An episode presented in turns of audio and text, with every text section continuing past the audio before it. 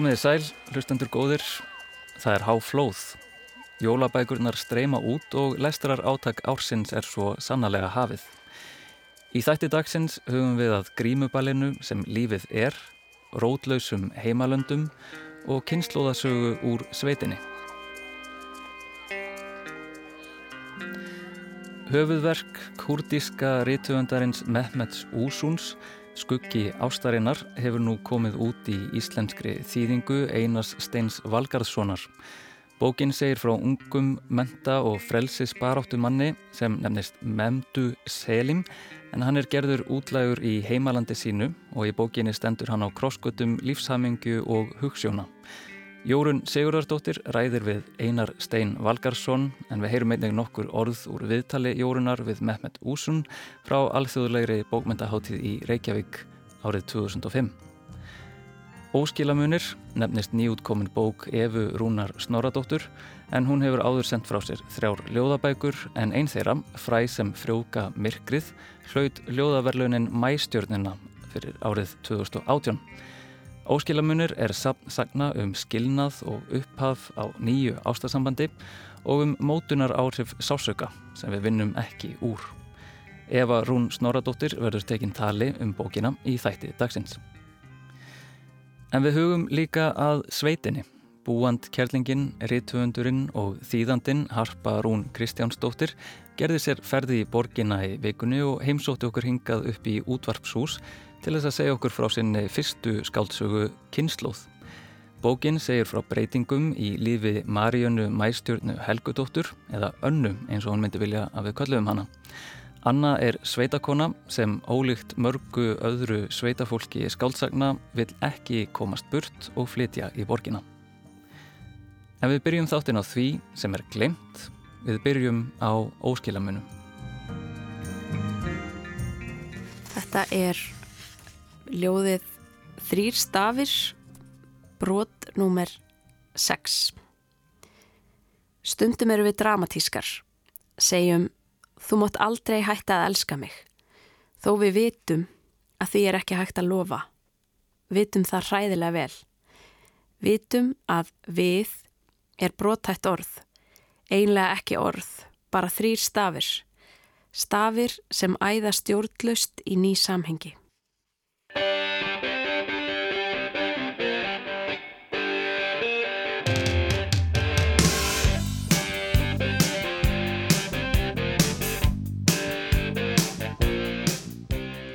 Nú á dögunum sendi rítöfundurinn Eva Rún Snoradóttir frá sér bókina Óskilamunir en Eva Rún hefur áður sendt frá sér þrjár ljóðabækur. Heimsendir fylgir þér alla æfi kom út árið 2013 bókin Tappi á himninum 2016 og síðan Fræ sem frjóka myrkrið árið 2018 og hlaut hún ljóðabókaverlunin Mæstjörnina sem rítöfundarsambandið og landsbókasand Íslands háskóla bókasand standa að Óskilamunir eru sögur um nýfundna ást og glataða ást. Sásaukan og eins og stendur aftur á bókinni þá eru óskilamunir sögur um hvernig við leitum með veiku ljósi að leið í gegnum þetta ævarandi grímuball sem lífið er.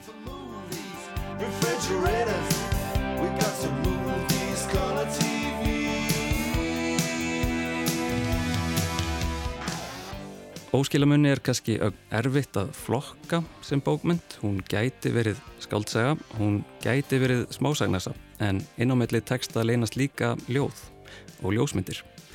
En nú á dögunum heyrði ég hugtak sem er þótti ná ágætlega yfir þessa tegund skáldskapar en það er hugtakið innsægis bókmyndir. Eva Rún Snoradóttir er mætt hingað í hljóðstofu til mín, innilega velkomin í orðum bækur, Eva Rún. Takk fyrir. Og eh, Innsæðis bókmyndir, hvernig líst þér á þessa flokkun? Mér líst bara alveg ótrúlega vel á þessu flokkun.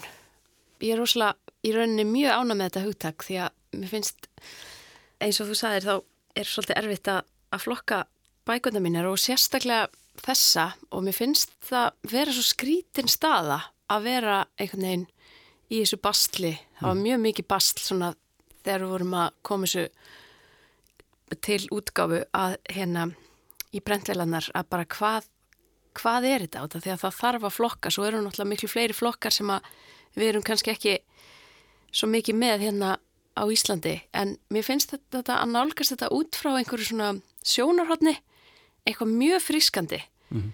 því að mér langar að, að þetta séu einsægisbókmyndir Þetta er, já, þetta er kannski ekki alveg þessi, þessi ströngu form sem við erum vön en það er samt uh, eitthvað svona skáldsögu fílingur og smásagna, þetta fer hann á milli en, uh, en síðan koma ég með ljóð og ljósmyndir og þetta verður svolítið tilröðinakent og, og skemmtilegt mm -hmm. En uh, mér langar að byrja að spyrja það síðan varandi bókina bara hvaðan, hvaðan kemur hún? Já, hún kemur svona frá svona, svona viðkvæmum stað.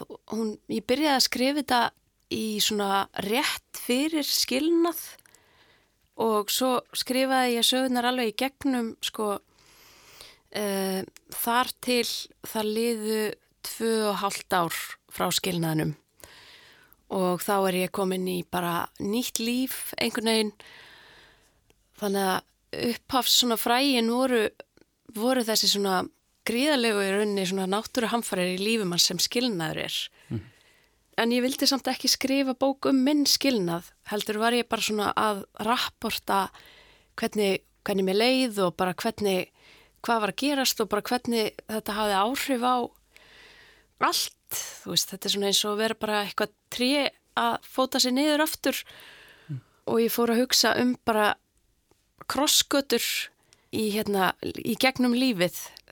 Bara stórar og smáar krossgötur bara þegar við kveðjum eða segjum skilið við vini bæði bara sem lítilbötn og svo sem úlingar og fullorðinn og, og við einhverja parta í okkur sjálfum og hugmyndir og og þetta er samt uh, ekki alveg svona línuleg frásögn, það er flakka mikið í tíma. En það er samt skýr heildamind það er þráður sem tengir þetta allt saman. Uh, hvernig, hvernig var að raða þessum sögum? Er þetta bara tímatal frá því að voru skrifaðar eða hvernig, hvernig rötuð það í þessa röð? Mm, það var bara þrótleis vinna ég var bara það er alltaf mesti, mesti höfuverkurinn og ég var bara já, eiginlega bara í allt sumar að, að rafa og bara svona finna einhverja tilfinningu.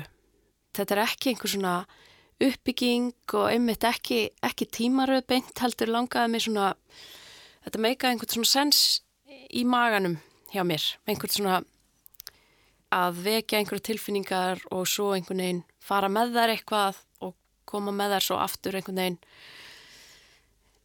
heim eða, já. Já, já þetta er alveg, þetta er, tilfinningin er svo ferðalag, myndi ég segja.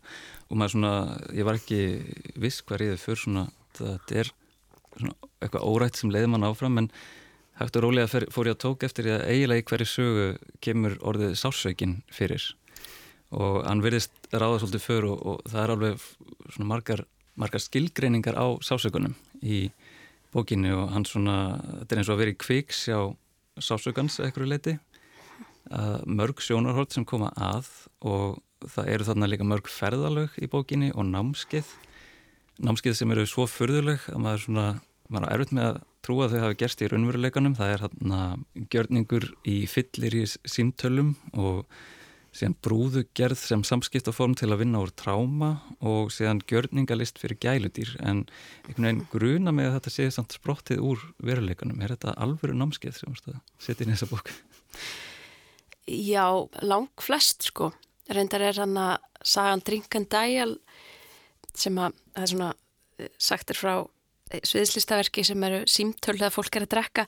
Það er ekki alvöru. Okay. Það er svona hugmynd sem að við hérna fengum einhver tíman okkur langa að gera en kannski á augljósum ástæðum þá fengum við aldrei styrk fyrir, fyrir þessu verki þannig að þá einhvern veginn enda þetta í, í þessari sögu en já, sviðslistaverkin fyrir gælutýr og, og hérna brúðuleikursið og margt af þessu er, er fengið bara loðbeint úr raunveruleikanum. Já, það er kannski svolítið sammert með öllum þessum námskeiðum að þau eru einhvers konar kannski listform sem er að vinna úr sásöka eða tráma. Og uh, sögum að bókar er svolítið svona leitandi inn í þau rými sem það sem er unnið úr einhverju. Og mér fór að gruna svona gegnum lesturinn að, að þessi bók væri þá kannski stór afurð þess að vinna úr sásöka eða tráma Myndur þú segja að þú skrifir til þess að vinna úr sásöka? Um, já, góð spurning, sko. Nei, ég myndi ekki segja að það sé tilgangurinn eða ástæðan eða, eða svona drivkrafturinn í því af hverju ég skrifa. Ég, mér finnst ég bara verða einhvern veginn að skrifa bara til þess að, að skilja eða ná utanum tilvöruna og svona reyna eiginlega bara að svona móka, móka snjó frá dyrunum mínum einhvern veginn. En, en, en að því sögðu þá er ég rosalega sko forvitin um og það er eiginlega meira svona sem tengist sviðslistinni. Forvitin um hvernig við getum notað verkvarin sem felast í sköpunaferli til þess að koma okkur út úr hlutunum. Mm -hmm. og eins og eins og kemur oft svona fram í þessari bóku og svona, ég svona fjallið með mitt sásugan hvernig ef við, ef við vinnum ekki með hann að þá fer hann bara á bóla kaf ekkert og byrjar að, að, hérna, að vinna einhvern veginn svona bak við tjöldin og ég veri rosa forvitin um alls konar svona listþerapíu og verkværin verkværi sem er hægt að nota þar mm.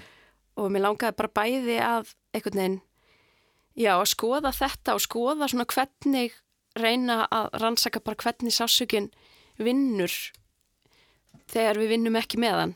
Og líka að fjalla um uh, verk sem að fjalla um það einhvern veginn svona fjalla um verk sem fjalla um þetta og heldin er kannski einhvers konar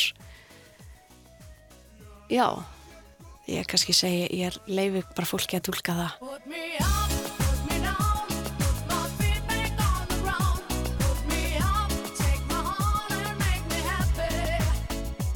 Rótin, uppspretta allrar minna lífsgremju er kona út í bæ. Leiðir okkar lágu saman á skrifstofu hennar árið 1994. Geðu kona í raun. Hennar hlutverk var að aðstofa mig við að fara í utalandsferð sem átti að verða mitt ár. Ævintýra árið mitt. Hún sérhæði sig í skipulagningu slíkra ferða. Ég hafi stemt á þessari ferð lengi, hlakka til og stilti ekki vonum og vendingum í hóf. Ég ætlaði að finna mig í Breitlandi. Valið stóð á milli tveggja staða, Exeter og Brighton. Við rættum þessa staði á skrifstofunni. Það var skýrt að konan var með ákveðna skoðanir. Hún hafi heyrt að Brighton væri staður þar sem listafólk og kynvillingar gengur lausum hala. Ég sé enn fyrir mér svipin á henni þegar hún lísti staðnum. Hvernig hún yldi sig þegar hún lísti fjörugu næturlífinu. Hún sendi mér svo merkingaþrungi augnaráð. En Exeter er vist ofsalega fín borg, bara óskup vennileg og flestir hafa bara verið ánaðir með að fara þangað.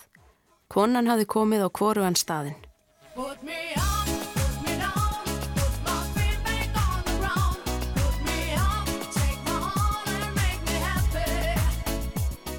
Bókin Óskilamunir, uh, þetta er að miklu leiti um samskipti og, það er linsinu líka beint uh, sérstaklega ástæðsambundum hvenna á meilli þó séu vissulega nokkri kallar hann á kantinum.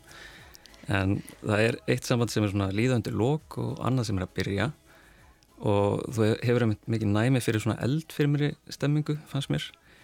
En uh, á einum staði svona sambandskrísu í verkinu skrifur þú þessa mögnuðu setningu að sásökinn sundrar ekki heldur vefur okkur saman. Og því langar mér hans að spurja er það þá finnst þið þá einhvern veginn að einhverju leiti nándin eða viljin fyrir nánd vera að skapa þennan mikla sásöka verksins? Já, ég held bara, þú veist, kannski kannski snýst þetta einhverju leiti um einhverju svona opnun það er þetta, þegar við erum bara lókuð einhvern veginn að þá, þá munum við ekkert ná einhverju alveg tengingu og ég held bara að þegar þegar maður opnar fyrir hlutina þú veist, bæði bara með sjálfum sér opnar fyrir hlutina sem maður geymir með innra með sér þá tengistu sjálfum þér og þegar þú opnar það fyrir einhver annar mannesku þá tengistu henni mm. já, við erum öll með hérna alls konar sásöka og, og ég mitt eins og ég tala um í þessari bók þá einhvern veginn held ég að það sé ekki þú veist, þetta er ekki eitthvað svona hægt að bera saman heldur bara þegar maður opnar inn á bara viðkvæma þræði að þá, þá getur maður orðið svo bara sterk mm -hmm. og uh, eins og ég myndist að áðan að þá eru ljóð inn í verkinu uh, en líka ljósmyndir frá, sem, sem eru komnar frá þér sem er endar ekki nýtt uh, það voru ljósmyndir inn í fræðir sem frjókamirkrið og ég var að velta fyrir mér hvað svona ræður því að, að ljósmyndir ratar inn í svona skaldverk Ég er svona að hugsa þetta bara alltaf út frá einhverju svona heilt og út frá einhverjum svona tónum og áferð og svona tilfinninga litrófi eða eitthvað svo leiðis og það hafa bara komið til mín svona ljósmyndir sem ég hef tekið í þessu ferli eins og einanna er af hérna þegar ég flutti núna á þessu ári. Og það er svona að dýra síma sem er svona búið að teipa í kringum út af því að það er verið að mála. Og ég tók þessa mynd og mér fannst hún bara einhvern veginn vera bara einhver svona steinn í þessa hrúu sem bókin er. Einhvern veginn, eitthvað svona tímabundi róf þegar maður er að, að fóta sig í nýju og bara finna tengingarnar og stundum er bara róf og, og þarf bara að taka utan um það og það hérna, það lagast. Og svona eitthvað algjört millibils ástand og hinn er svona, þú veist, þetta tengist allt svona kallast á og mér finnst það bara að setja einhvern svona, einhver svona pínleitla punta sem að sem að þurfa mm. eða svona sem að mér finnst svona bæta einhverju við í heldina ja. Og síðan kannski einspurningar lókum uh, titillin, óskilamunir uh, hvaðan kemur hann? Já, um, ég hérna uh, var í eins og oft miklu klemmu að finna, finna titill og það kemur þannig einu sinni fyrir í einni sögunni þrótaðir óskilamunir næturinnar minni mig. Og mér fannst það bara alveg summa allt upp, bara hvernig þessa tilfinningar sem við vinnum ekki með, sásökinn sem við vinnum ekki með verða einhvern veginn óskilamunir inn í okkur og hvernig við erum oft bara eins og hálkir óskilamunir í gegnum lífið á þessum krossgötum, stórum og smáum. Já, þetta er, þetta er mjög skemmtilegu titill, hann, hann fangar auðað og maður er mitt veit ekki við hverja á búast þegar maður kíkir í óskilamuna skúfunar eh, hvað sem þær eru að finna og hvað þá í bók. En uh, Eva Rún Snorradóttir ég þakka þér kellega fyrir komina í Óliðnbækur Takk kellega fyrir mig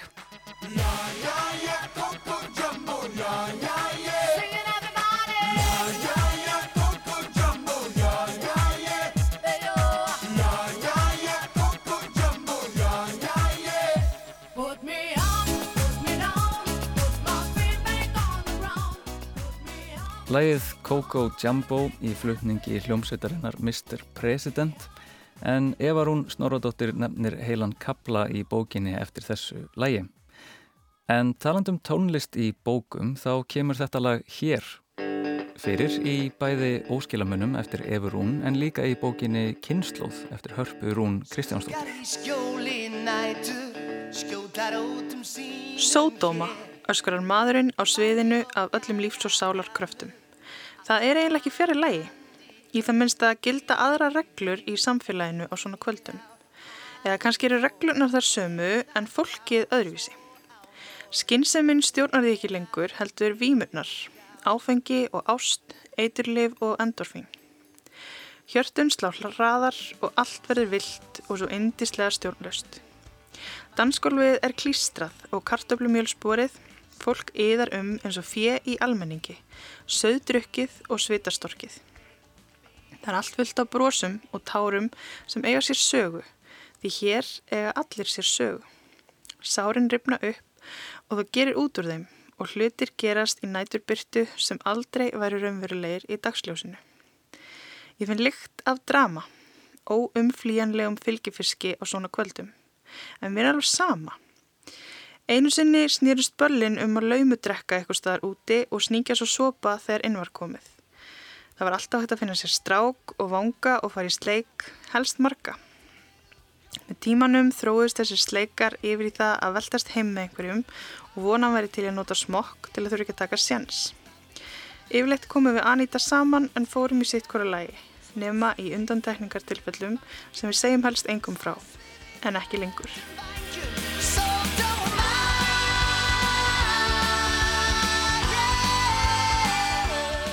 Hér las Harparón Kristjánsdóttir, búand kerling, rithöndur og þýðandi upp úr nýjútkominni skáldsögu sinni Kynnslóð. Bókin segir frá tímum breytinga í lífi Maríönnu Mæstjörnu Helgudóttur eða Önnum eins og hún er jafnan kölluð. Anna er sveitakona sem starfar í veitingastadar bensinstöð á í kærleiksríku sambandi við andra má en inn í líf hennar ráfar nýr karlmaður með kunnulegan svip og setur ímislegt úr skorðum.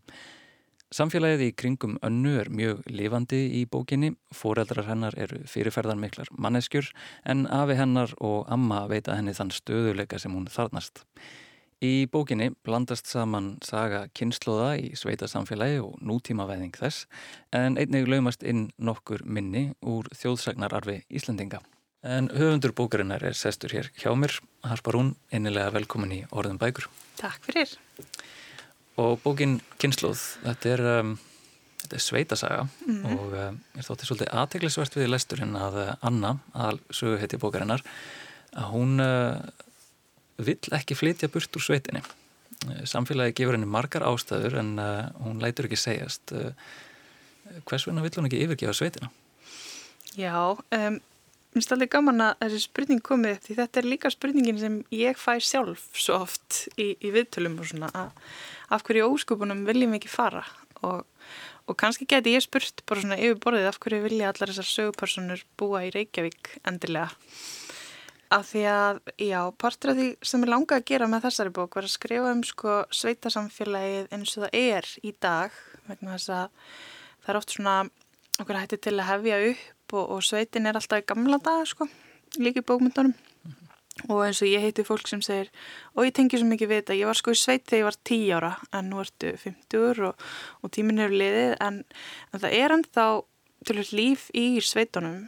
Og ég fann það bara sjálf þegar ég var sagt, búin að fara í háskólan og búi í Reykjavík og fór aftur heim. Þá svona er fólk aldrei að fara tilbaka og, og við fáum alltaf þessu spurningu að af hverju fara tilbaka kannski næja svara því að einhverju leiti í bókinni en hérna fólk vill búa á, á alls konar stöðum og, og tæknin náttúrulega er að leiða okkur það eh, kannski er ég meira svara núna fyrir mig heldur en önnu en hérna en já, ég, ég vona að það komið svona í, í fram að það er eitthvað svona sem heldur í Einmitt.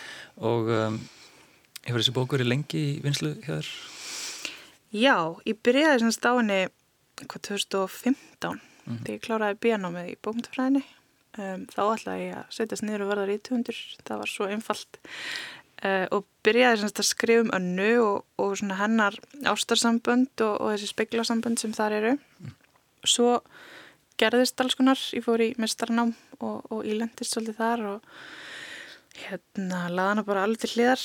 Uh, tók hana svo aftur upp semst eftir að ljóðbúkjum minn kom út 2019 og þá fannst mér Anna afar óspennandi persóna þessi sem að e, lág mér svona hjarta því að ég var 25 hún, hún lág mér ekki eins djúkt á hjarta því að ég var 30 eitthvað einn þannig ég ákvaða að bæta mömmunar við gefa henni svona aðra rött og, og meira vægi.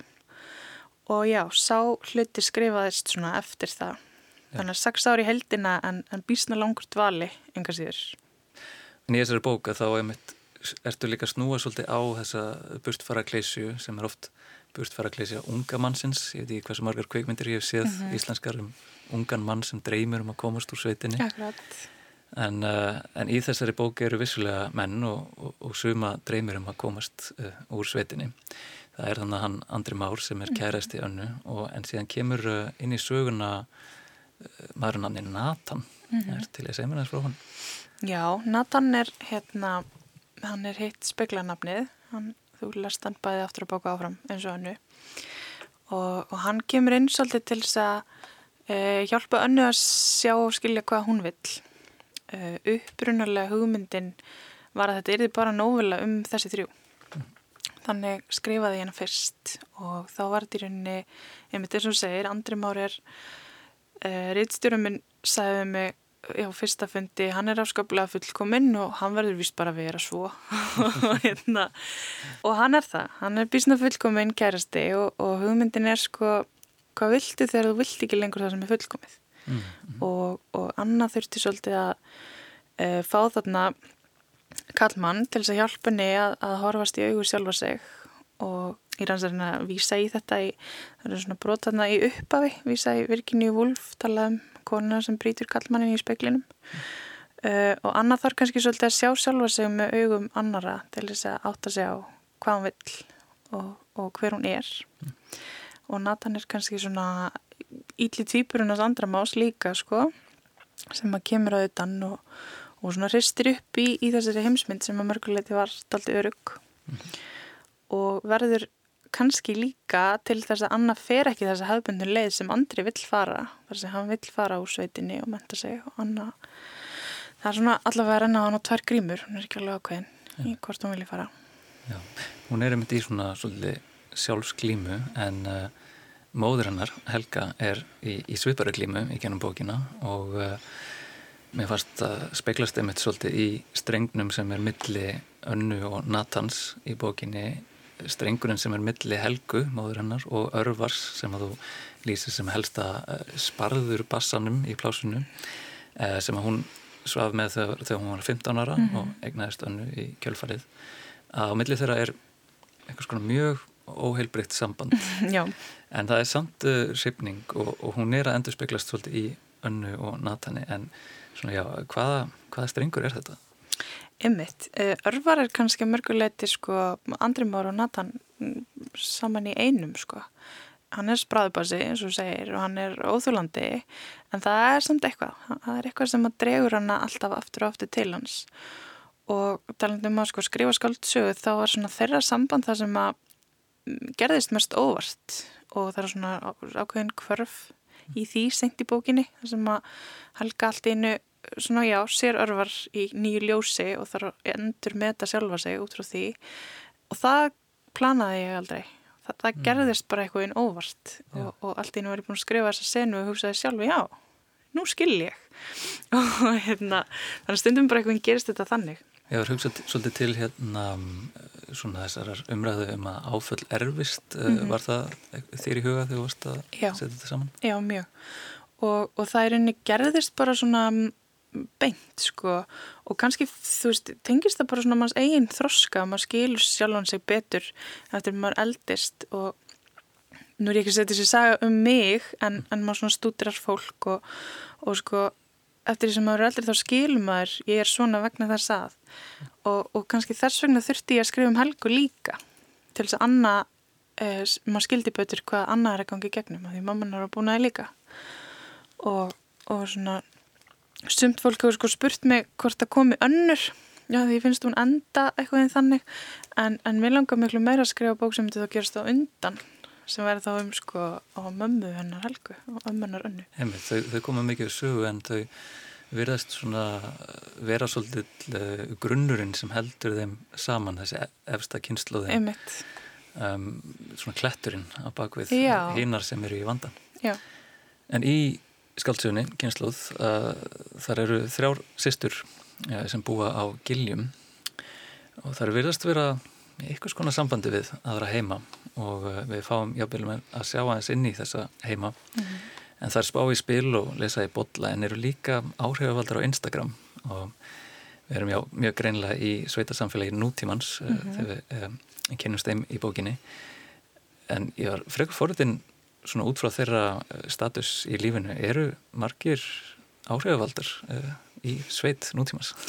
Uh, nei, þetta er nú kannski svona brandari sem að við sískimnu hefum aldrei rætt sko og, og mér fannst bara svolítið skemmtilegt að skrifa hann inn til þess að við stundum rætt sko áhrifavaldar sem fá allt gefins, hvort það verður ekki gott fyrir okkur að vera áhrifavaldar, að við fengið gefins eins og þær fá júrfeiti og, og, og fóðurkakla og áburð og ymmislegt sko var þetta bara svona létt spaug en, en það eru samt sko eins og segja það eru tviðsvarsunum þrjár sýstur, mm. Helga og líka sýstur Ásu og Signíu og svo í lokin þá e, er ég svona að reyna að láta í veðri vaka að það muni halda áfram að vera þrjár sýstur og giljum og, og svona þessi, þessi þrítala að því ég er aðeins að leika mér með svona ævintýra þemu mm -hmm. kannski djúft á þeim sumum en að hafa þrent og þrent og, og svona einn kemur í annar stað og einmitt eins og sýsturnar á giljum sko, það er aldrei sagt beinum orðum en, en sagt einar svona að minnstakosti kvennskurungur mikill og einn kemur frá Afriku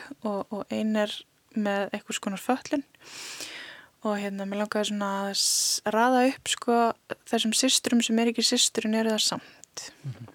og svo þetta e, sækja þær botlarsbátumana og, og svona svona jarðvöðulsáttinn til hvenna bara sem ég er alveg upp með. Ég er alveg upp í miklum botlarsbátumum og ymsu sko. Mm -hmm og mér langaði svona að blanda saman sko þessu alþýrlega og þá svona hugmyndin það eru svolítið töfrar í bókinni og það eru hluti sem maður getur kannski ekki alveg útskýrt. En mér langaði að þú gætir sko lesið hann og hugsa já byttið þannig er huldufólk, þannig eru galdrar. En þú gætir líka eins og svo margir kjósa að gera lesið gjössunlega fram hjá töfrunum og sagt þetta er nú bara svona kellingablaður og, og það er kannski svolítið sem að e, samfélagið og, og bara svona lífið finnst mér, við le, viljum lesa fram hjá töfrunum mm -hmm. alltaf en þeir eru samt þarna mm. og, og það er ekkit mála afnitaði menn þeir eru þarna samt Já, það verðist líka að voða mikið áallega í nútímanum að komast fram hjá þeim í byli mm. en uh, þeir lauma sér vissulega aftur og aftur inn og meiri segja þessari bók en uh, kannski að lókum uh, ertu byrjuð á næstu bók?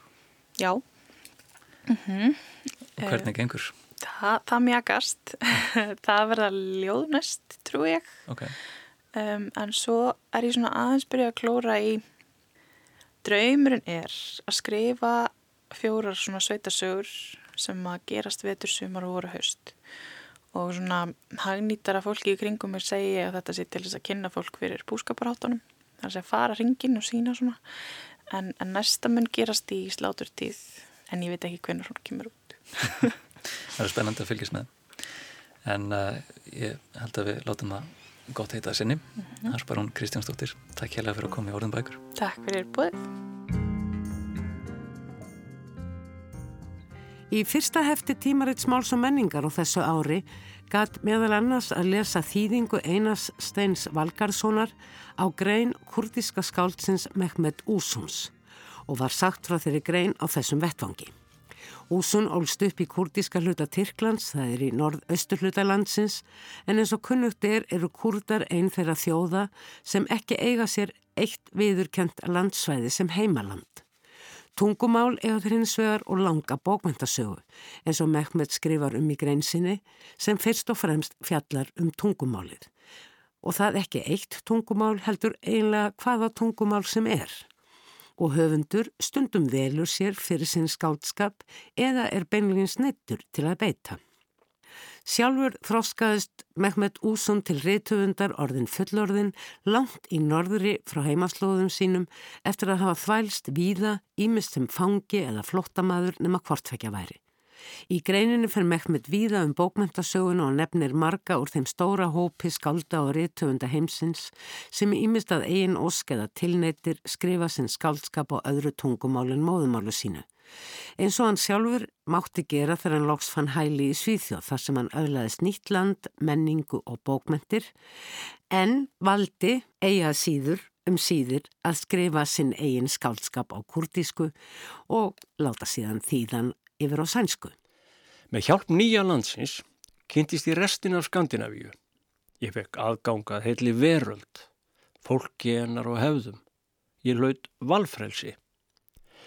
Ég komst að því að utan við sjálfan mig og fólkið mitt og vandamál okkar var víð veröld. Að við vorum ekki miðpunktur alls. Að annað fólk var alveg jafn mikil svirði. Ég uppgötvaði mér til undrunar að ég átti mér svipaða tilfinningar og upplifanir og Arabi, Litái, Tjekki, Uruguaymaður, Polveri, Kínveri og Kongobúi. Mér skildist að hver einræðisherra er öðrum líkur, að allt verður að meta út frá gildum mannúðarinnar. Ég kynntist hóvarð, ég læriði að leika ekki hetju, heldur viðurkenna galla mína. Ég þróaði með mér endalösa forvitni og ákafa fróðlegsfísn. Ég varð alþjóðlegur, öðlaðist sjálfsmynd heimsborgarhans. Mér hlotnuðust heimsbókmentirnar, ríkidæmi þeirra gatt auðga hjarta mitt að eilífu og hughrist mig. Ég lærði þá list að vafra á milli tungumála og menningarheima, að greina betur á milli, skinja litbriðin. Mér til mikillar undurunar kynntist ég því að allt hér á jörðu tengist einum einföldum raunveruleika, mannkininu. Íslenskir bókmæntaunendur fengi árið 2005 tækifæri til að kynnast Mehmet Úsum þegar hann var gestur á alþjóðlegri bókmæntaháttíð Reykjavík og virkilegt leini númer þeirrar háttíðar sem skartaði einstaklega frægum höfundum eins og til dæmis Erik Emanuel Smith, Javier Cercas, Siri Hústvedt, Rói Jakobsen, James Meek og Andrei Kurkov. Á þessari hátíð fjekk ég tækifæri til að ræða við úsum þó ég þekkti ekkert til verka hans og í því samhengi bar þjóðurinnskend og bókmyndir á góma. Att ha en nationell känsla är fin. För att eh, den nationella känslan innebär samtidigt då språket, identiteten, kulturarvet, historien, minnet. De är väldigt viktiga för, för, för individen, för människan. De måste vi bevara. Alla språk tillhör ju oss. Það er ekkert aðtugavertu þjóðurinstilfinningu því í henni er tungumálið fólkin, samsendin og sagan, saði Mehmet Úsun árið 2005. Þjóðurinskend er því mikilvæg fyrir manneskuna. Öll orð og tungumál eru okkar. Þau eru sköpuð af reynslu okkar og því er svo mikilvægt að varveita tungumálinn sem geima alla þessa sögu og reynslu sem er forsenda allra frásagna, skálskapar og sagna. Både för språket och för berättandet, för sagan. Mehmet Úsún lísti yfir þeirri ósksinni að kurdiskar bókmentir eru þýttar yfir á íslensku og fyrir skömmu var sá draumur hans að veruleika. Rúmlega tíu árum eftir andlát hans en Mehmet Úsún lést fyrir aldur fram árið 2007 úr krabbamenni og komi við útför hans þúsundir saman í borginni Diyarbakir. En nú er komið að fyrstu skáldsögu Ósuns í íslenskri þýðingum. Skuggi ástæðanar heitir hún og Einar Steinn Valgarsson þýðir. Ögla útgáfa gefur út og var útgáfunni fagnad í bókabúð forlagsins og fiskislóð ekki alls fyrir löngu. Ég vil bara bjóða ykkur öll um, hjartanlega velkomin í þetta útgáfi hóf. Mér langar bara svona að segja ykkur smá frá höfundinum og frá verkinu og um leið svona tilur þess að ég reyst í að þýða bókina. Mehmet Ússon skrifaði sjö skálsugur, fjölda rittgerða, rittstýri tímaritum og safleiti kurdískra bókmenta, auk þess sem hann rittstýrði safleiti innflytjanda höfunda í Svíþjóð á samt menningarrínunum Madeleine Gríf. Hann lagði mikið af mörgum við að móta kurdísku sem bókmentamál og endurvekja sagnahefð kurda. Sapnaði sögum og ljóðum sem hann hlíti á frá kurdískum ljóðskáldum og sagnamönnum og í kjölfarið leitaði hann einnig uppi tímaritt kurdískra útlaga frá þriðja áratögnum. Þetta varð honum efniviður í skálsugur sínar sem endur spekla örlagasögu kurdísku þjóðarinnar. Mín eigin kynni af verkum Mehmets Úsuns hófust með því að ég sótti bókmyndaháttíð í Reykjavík 2005 og ég hlíti á upplestur hans síðan á. Ég heitlaðist af því sem ég heyrði og keipti mér skugga ástarinnar á sænsku í kjölfarið í bóksölinni þar. Þetta reyndist áhrifarík, afar velskrifuð og ljóðræn söguleg skálsaga af grimmum örlögum, sterkum ástríðum og þrá. Sagan varð mér afar hugstæð. Mér fannst hún eiga vítt erendi og langaði að koma nefur á íslensku. Við þýðinguna lagði ég mig fram við að ná sérstæðum stíl og hugblæg höfundar sem best eins og hann byrtist mér í erlendu þýðingunum en að skila sögunni jáfnframt að góðri íslensku. Þýðingin hafði leið lengst af í salti hjá mér en ég dundaði mér við hana af og til í gegnum árin. Harmafregn árið 2018 knúði mig hins vegar til að ljúka við hana og koma bókinu út. Fréttir bárust af því að ungur Íslandingur, Haugur Hilmarsson, hefði gengið til liðs við hersveitir Kurda, AFP, og barist gegn liðsmönnum Íslamska ríkisins í Rakka í Sýrlandi, en væri nú talinn hafa fallið í februar í Afrín héræði, þegar sveitinnar vörðust innrás tyrkneska hersins. Hann var 32 ára. Ofan í það kom svo innrást Tyrkja á svæði Kurda í norð-austur hluta Sýrlands í oktober 2019.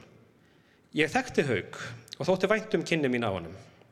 Ég minnist hans sem skemmtilegs og góðhjartast stráks með ríka og brennandir réttlættiskend. Þýðingu þessa vil ég tilenga minningu hans, fjörskýttu hans og vinnum. Vona ég svo að þið megi njóta bókarinnar. Við heyrðum þarna í einari steini valgarsinni þegar hann var að fagna þýðingu sinni á skáldsögunni Skuggi ástarinnar eftir kurdíska réttöfundin Mehmet Úsún. Þar áður heyrðum við í Úsún sjálfum þegar hann var gestur á bókmyndaháttíð árið 2005 og ég átti við hann viðtal og hann aukinn heldur rætti við Þóraðan Eldjáttn í Norranna húsinni ekki síst um þessa bók þá las hann líka upp í yðnú og þar varst þú einarsteinn ekki satt. Jú. Var þetta ást við fyrstu sín svo má orðið komast? Það má segja það, já. Ég bætti þarna, hafði lesið mér aðeins til bara í blæðinu þessi höfundurinn þarna og ég var forvitin. Hvað var það sem vakti forvitnið þína? Var það kurdin, þinn pólitíski flóttamaður, tungumál sem að enginn talar eða hvað? Ætla að hafi ekki verið bara að blanda af þessu á sipum tíma þá var ég líka svona nokkuð nýlega búin að koma mér inn í málefni Palestínu þannig að þetta var allt svona á mínu áhuga sviði. Bæði sko pólitíkin og, og, og sagan og menningin mér fannst, fannst þetta uh, fróðlegt og heillandi. Og svo, svo sá ég hann lesa upp og já, bara ég heil, heillaðist alveg það er náttúrulega komin eitthvað hvað, 16 ár síðan Þetta, þannig að ég er aðeins þessi bókmyndaháttið var haldin. Já, þannig að ég er aðeins svona að riðka í sko hvortan las úr skáldverki eða, eða ekki, en það sem ég man, en það sem heitlaði mig við hann, það er þessi fallegi ljóðuræni stíl mm, og, Sannarlega. það, og það er þessi sko sterka mannúð og, og svona mennska í hans verkum. Mannkinnið, mannúðin, mennskan, Já, þetta og- eru held ég emmin þrjú sem að svo litið Já. marka hans veg. Hann var sko, hann var fjölmenningarsinni í besta stílningi þess orðs og trúði á sko mátt menningarsamskipta og, og tengsla og hvað maður að segja, svona díalek, díalektikur að, sko ein, að ein menning lærir af öðrum og þessi svona vikskipti. Allt frjókar hvað annað. Einangrun er vesti óvinnurinn. Já, og hann einmitt fjallaði mjög stert um þetta í sínum verkum, sko, þá má segja að í honum mætist sko áhrif frá austri og vestri. Uh, Hann byrjaði að skrifa skálsögur þegar hann var fluttur til Svíþjóðar og sko samhliða því þá tók hann meðvitaða ákvörðun um það að skrifa á móðumálinu sínu. Já. Og hann uh, sagði frá því, og svo sem ofta neinu sinni að the, hann liti á ritt störfin sín í og með sem andóf, sem anspyrnu, gagvart sko... Sem baráttu. Já, bara fyrir, fyrir Tilvist kurta. Já, tilvist kurta fyrir móðumálinu sínu, fyrir menningunum sinni, fyrir bara réttindum sínum. Hann var mikill líðræðið sinni og bara mannréttinda sinni og, og deildum leið hart á hvers konar kúun og þjóðurembu og svona, svona einingarstefnu eins og hann til dæmis kynntist í Tyrklandi. Það sem er stundum kallað öðrun, sko við og þeir. Já, við og hinnir. og, og um leið líka sko gaggrinni á þetta þú átt að vera eins og ég og ég ætla að steipa þig í mitt mót og þegar kurtar mæta því að eh, eins og ég nefni þarna í, í eftirmála bókarinnar þegar höfðu þátt að þurft að mæta þessu viðhorfi að sé, menning þeirra sé ekki viðurkend þeir sé ekki viðurkendi sem þjóð og sko tungumáli þeirra sé, sé bara eitthvað hrognamál og sé kannski besta falli einhvers konar fjalla tyrkneska. En snúum okkur af þessari bók, Skuggi ástarinnar. Hvar er hún svona sirki röðinni í hans skáldverkum? Er þetta hápunktur ferilsins? Þetta er ekki fyrsta bók. Nei, þetta er þriðja skálsagan. Þetta er þriðja skáldsagan. Og þetta er, öðrum þræði er þetta söguleg skáldsaga. Já, já. Saga, uh, hvað heitir hann? Mendu Selim? Sem að leggur upp frá þorpinu sínu í uh, Tyrklandi, í Kurdistan. til þess að geta orðið að gagni utanfrá vegna þess að þarna í kjölfari heimstyrjaldarinnar fyrri að þá er, er, allt bari niður og Já. allar vonir sem að bundnar voru við lok þess mikla stríðs að engu gjörðar. Hann leggur að stað, kemst fyrst til, hérna, til Sýrlands eða þar dvelur hann nokkuð langt dvölum og þar kynnist hann eða finnur ástina og síðan er þetta kannski svona tveir þræðir. Það er annars vegar þessi ástarsaga og hins vegar baráttusagan og Já. við erum með þarna náttúrulega mikinn hápunkt í orustunni á Ararat. Þetta er söguleg staðrind ekki satt. Jú, þetta, þetta eru sögulegir atbyrðir og hann kynntist sjálfur fólki sem hafði upplifað þessa atbyrði. Til dæmis uh, baráttu bróðir Memdús Salims um, var Kelatet Ali Betirkan sem var með honum þarna í þessari stjórnmálarhefingu sem heit uh, Hauibún og var líka merkilegur um, málfræðingur. Mehmet Ússon hitti ekki Kelatet Alis Betirkans og mikið af þessu fólki. Þannig að jú, jú þetta eru raunverulegir sögulegir atbyrði og það var svona öðrum þræði Þátti mér náttúrulega, bara sem sagfræði áhuga manni fannst mér mjög áhugavert að, að kynast þessari sögu. En já, eins og segir, sko, þá, þá er þessi tókstreita aðalpersonunar mjög um, svona sterkur þáttur í bókinni, útlægin sem er svona með annan fótinn í útlæginni og svo tógar náttúrulega heimalandið alltaf í hann, bæðið sko söknurinn og náttúrulega líka það sem hann horfir upp á sko, hann horfir upp á fólkið sitt kúað og hann horfir upp á gamla félaga tekna af lífi og þorpbrend og það eru fjöldamorð og það eru þjóðurnisreinsanir og hann alltaf bara eins og við líklega öll, hann á sér sína drauma um, um verallega hamingju mm. og um ást. Og heimili. Já, heimili. Og er afskaplega falleg lýsingin á einmitt þessum draumi að vakna á hverju mótni með annari mannesku sem þeir þykir væntum Einmitt. og eignast með henni börn og svo framvegis. Og spurningin sem hann og höfundur glíma við er spurningin um hvernig einstaklingarnir geti haft áhrif á gang sögunar fremur en að verða örlugunum að bráð.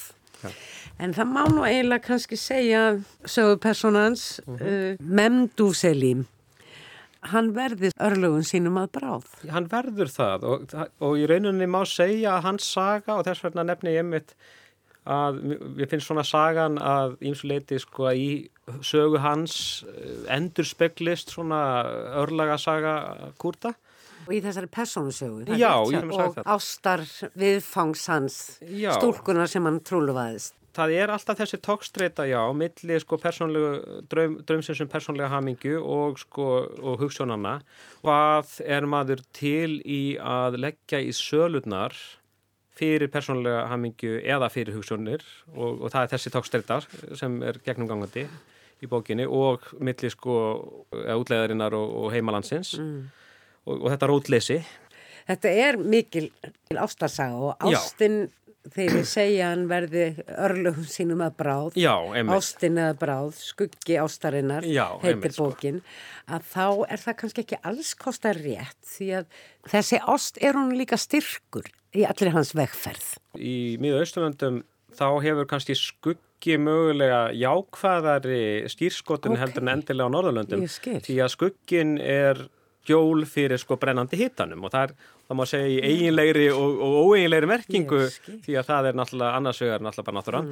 En svo er þessi sko ofsi og það er stríðið og það eru þessi átök og hann finnur svona afdrepp í, í, í þessari ást.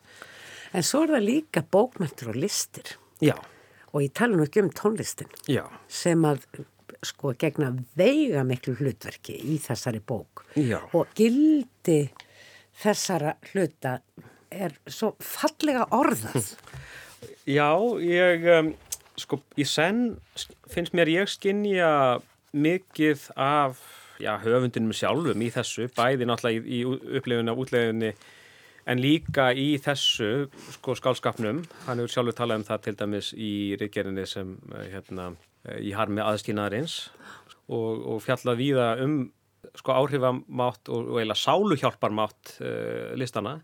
Bókin hefst jú á hefst á því að, að okkar maður líkur banaleguna Já. hann er bara beinlýnis á leiðinni yfrum Já. og þá kemur honum meðal annars í hug eða minnist orða það eru fjórir ómar sem gera lífi þessi virði að lifa því tónar tónlistarinnar hjartslátturinn vassniðurinn og kvennmannsrödd og þetta eru svolítið leiðarstefi gegnum alla bókina Já. sem síðan endar já, ég segi ekki á andlátans en hann er svona nánast komin, komin þangað. Þetta er svo fallegt. Já, það segi ég með þér. Einmitt sko endar söguna það sem hann hefur hana. Já, bara svona málskreinar eins og nú legg ég að staði mína hinstu ferð. Allt líf mitt var það óendanlegri ferð, eilífri kveðjustund. Nú er ég komin á áfangastað, en eitt skaltu vita, ég mætu endalokunum með opin augun. Ég fættist, segir aðeins síðar, ég hef séð allt, upplifað allt og nú fer ég. Ég verð bara að segja einasteg, bara þakka þið fyrir þessa þýðingu. Hún hefur lukkast hjá þér. Bókin það. rennur alveg einstaklega vel og það sem ég fannst, hún er líka svo vel sett upp. Já. Það er svo mátulega mikið á hverju síðu, hún rennur svo vel bara fyrir augum hans. Já, ég er samanlega því og ég er þakklátur um, útgenda mínum, Já. Jakobi F. Áskersinni og Uglu útgáfu og ég á mikið að þakka frænda mínum Einari Tórótsen, hann las yfir uh, Mikill þýðandi og mála maður. Já, og ég má þá til með að koma því að, að hann var að uh, þýða annað bindið af, uh, af gleðilegnum guðdómlega eftir Dante og hún er væntaleg. Ánægulegt. og móði mín sömulegis, Katrín Fjálsteð, hún var líka las yfir og, og hún var líka þýða. Það er líkþóttakonan eftir Söru Ómar sem er líka væntaleg. Ok, þannig að fjölskyldan er bara öll í hillum bókabúðana. Já, það er svona... Það, það En þú ert svo sem ekki einhamur heldur, því að þú ert ekki bara að gefa út þessa bók. Þetta verður langt líf, Stíne Stræen. Um, þetta er allt annars konar bók. Já. Utan á henni er mynda svolítið reyðri lítli stúrku.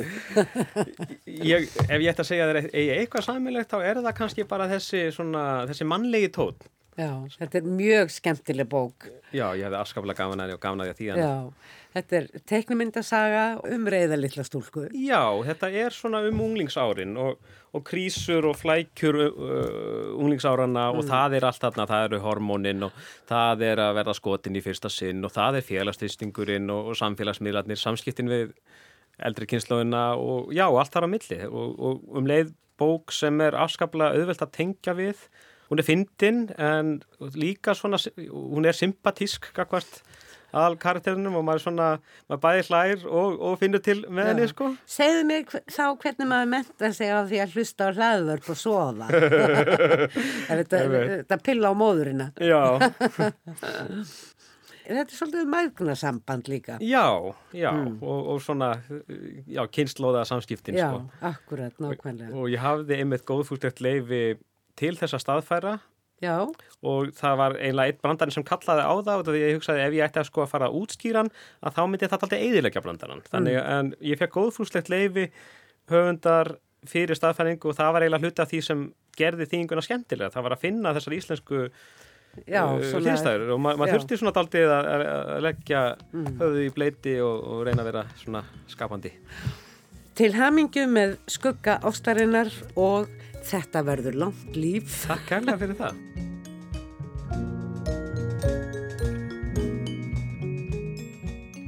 Það var Jórun Sigurðardóttir sem rætti við Einar Stein Valgársson um bókina Skuggi ástarinnar eftir Mehmet Úsún. Lesari í þessu einslægi var Leifur Haugsson. En orðum bækur verða ekki fleiri að þessu sinni. Við minnum á að þættina er hægt að hlusta á á vefsíðu RÚF í spilaranum, í appinu og í öllum helstu hlaðvarpsveitum. Tæknimenn í þessum þætti voru Úlfhildur Eistensdóttir og Markus Hjaldarsson. Takk fyrir að hlusta og verðið sæl.